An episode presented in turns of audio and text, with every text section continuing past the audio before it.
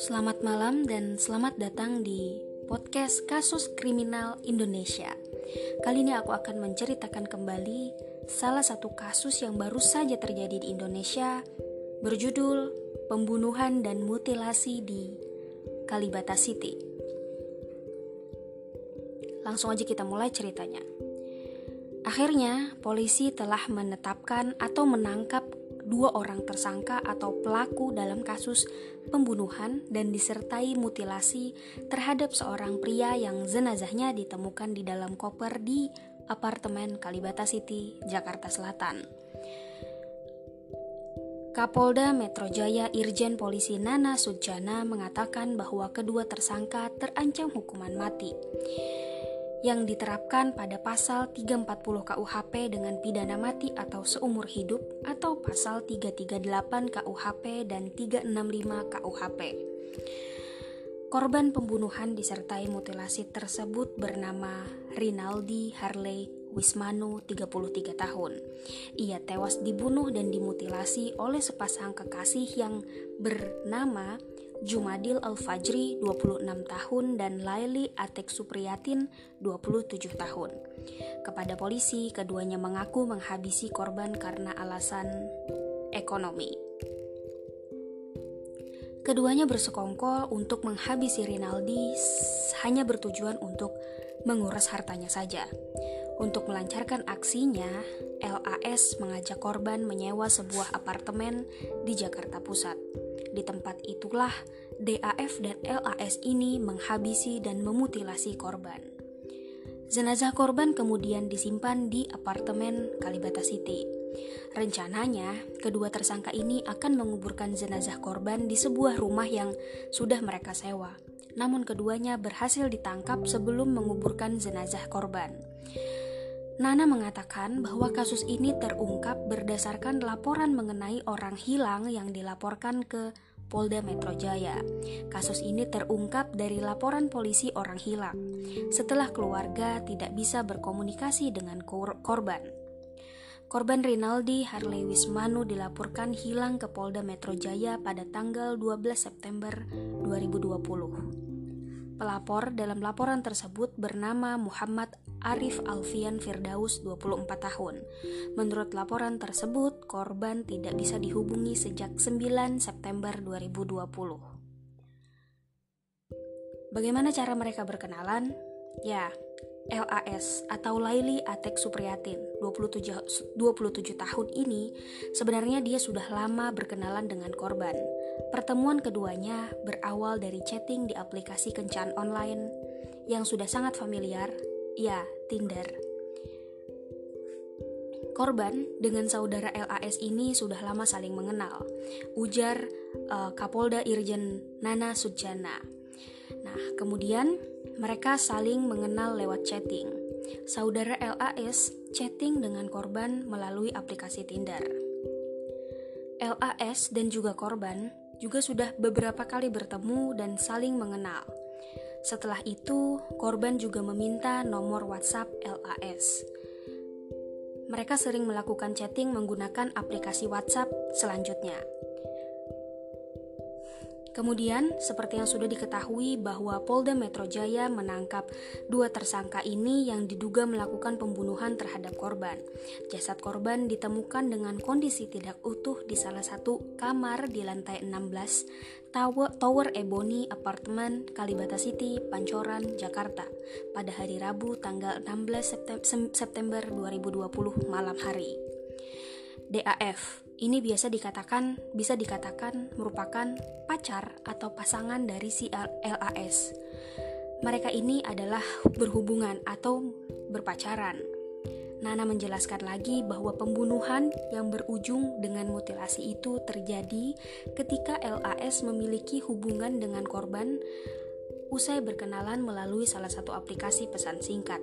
Setelah beberapa waktu menjalin komunikasi, keduanya sepakat untuk bertemu di salah satu apartemen kawasan Pasar Baru, Jakarta Pusat, di tanggal 9 September 2020. Di apartemen tersebut, Rinaldi dihabisi dan dimutilasi oleh kedua tersangka ini.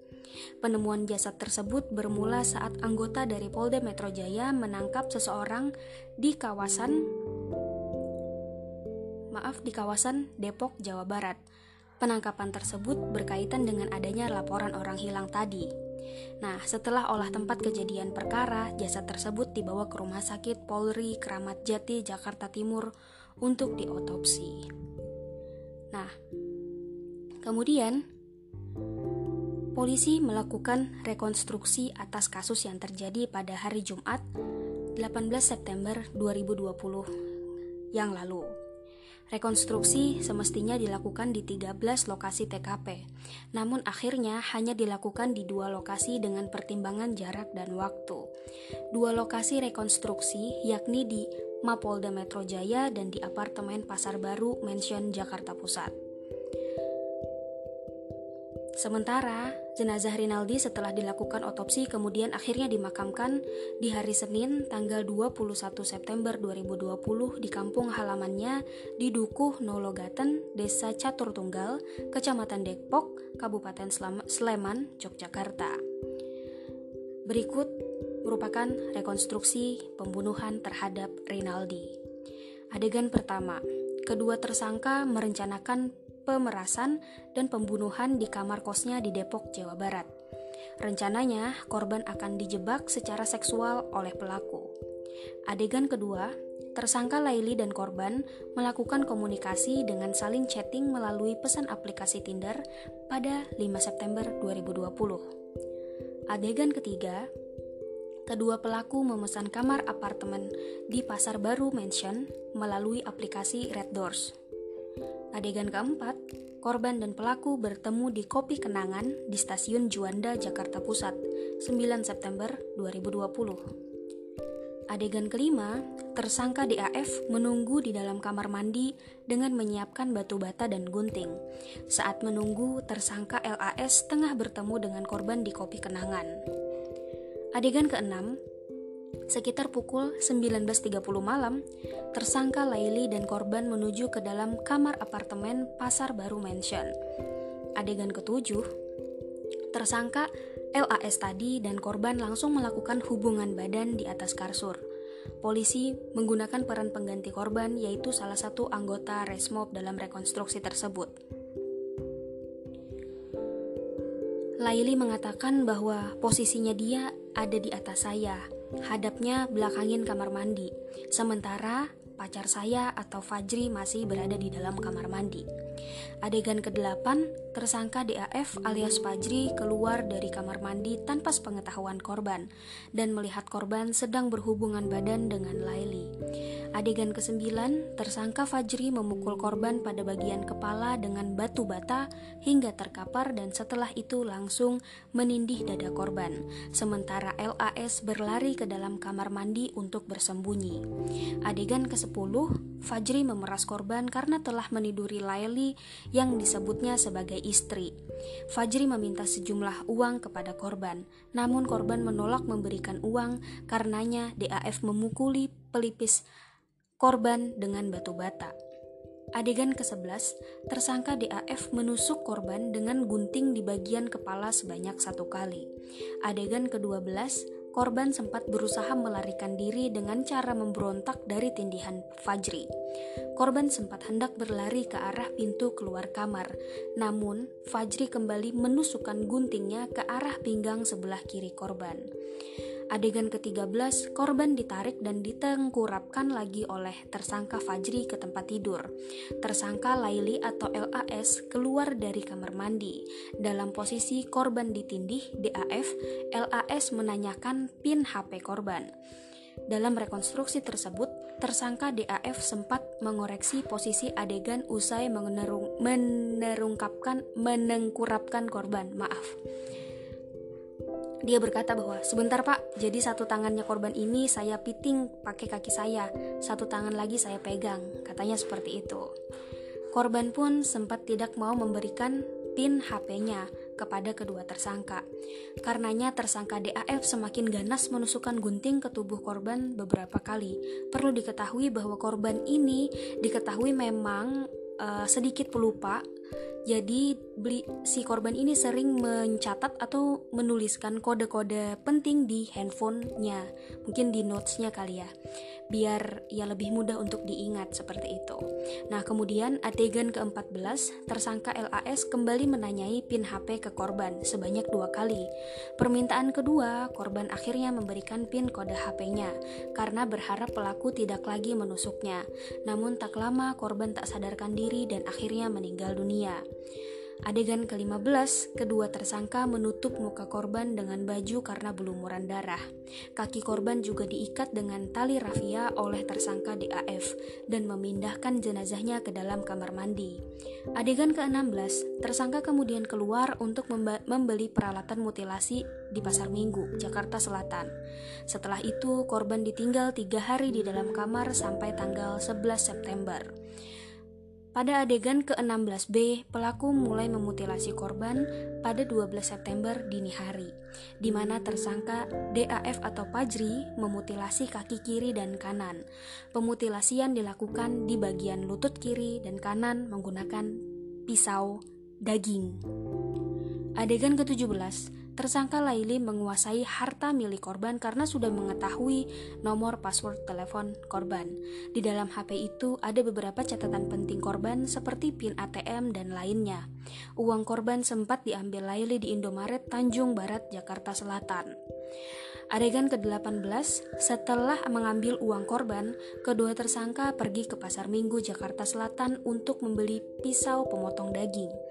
Adegan ke-19, dari Pasar Minggu keduanya ke Mall Geraha Cijantung, Jakarta Timur untuk membeli perhiasan emas menggunakan uang, uang dari korbannya. Adegan ke-20, Jumat 11 September, mereka memesan kamar di Tower Ebony, apartemen Kalibata City, Jakarta Selatan, lantai 16, kamar 16 AB. Adegan ke-21 sampai ke-23, keduanya membawa koper dan tas berisikan bagian tubuh korban ke dalam apartemen Kalibata City menggunakan taksi online, di mana koper warna merah muda disimpan di bagian luar di balkon. Adegan ke-24, dua tersangka kemudian membeli beberapa perlengkapan lagi untuk mutilasi termasuk gergaji besi. Juga membeli cat piloks putih dan cat lainnya untuk menutupi bercak darah di tembok kamar apartemen. Lanjut ke adegan 25, tersangka membeli koper hitam di Pasar Senen, Jakarta Pusat untuk bagian potongan tubuh korban. Setelah itu, membeli sepeda motor NMAX seharga 20 juta menggunakan uang korban. Adegan selanjutnya, di adegan lanjut ke adegan 29, tersangka membawa satu koper lagi yang berisikan potongan tubuh korban ke apartemen Kalibata City hingga adegan ke-31. Adegan ketiga dua, pelaku ke pasar Jatinegara untuk membeli bed cover dan sarung bantal untuk mengganti yang ada di apartemen kamar karena sudah penuh dengan darah. Adegan ke-33 sampai ke-35, ransel dan koper yang berisikan potongan tubuh korban ditaburi kopi. Adegan ke-36, kedua tersangka ke toko bangunan di Tapos Depok membeli skop pacul, ember semen, semen satu sak, dan sendok semen untuk menguburkan korban. Adegan terakhir, yakni adegan ke-30, kedua tersangka sudah menyiapkan sebuah lubang dengan menggunakan cangkul di rumah kontrakan di perumahan Permata Cimanggis, Tapos, Depok, yang sehari sebelumnya sudah mereka sewa. Lubang kuburan disiapkan di belakang rumah. Akhirnya, pelaku pembunuhan dan mutilasi Jumadil Al-Fajri dan Laili Atek Supriyatin ditangkap polisi di rumah kontrakan tersebut di perumahan Perma Permata Cimanggis, RT 2 RW 20, Kelurahan Cimpaun, Kecamatan Tapos, Kota Depok pada Rabu 16 September 2020. Saat dibekuk, pasangan suami istri itu atau mungkin berpacaran sempat mencoba untuk kabur dari belakang rumah dan naik ke genteng rumah tetangganya. Namun karena rumah mereka sudah di dikepung oleh petugas, upaya mereka pun gagal. Keduanya tampak pasrah saat ditangkap. Penangkapan kedua pelaku sempat terjadi menjadi tontonan warga sekitar. Hal ini, hal itu, hal ini dikatakan oleh Arnet Kelmanutu, 30 tahun, warga sekitar yang turut menyaksikan penangkapan kedua tersangka. Pelaku pri prianya waktu ditangkap di atas genteng rumah tetangga masih pakai handuk ucapnya. Sementara yang perempuan pakai baju terusan. Lanjut Lanjut dia, seraya menyebutkan bahwa perempuan yang diamankan di rumah itu berambut warna pirang. Oh ya, sebelum aku mengakhiri cerita ini, ada cerita ada info tambahan bahwa sebenarnya si pelaku Laili ini sebenarnya dia sudah pernah mendapat predikat perebut suami orang di tahun-tahun sebelumnya. Jadi memang kita tidak heran bahwa si Laili ini uh, dapat dikatakan sebagai tersangka seperti itu.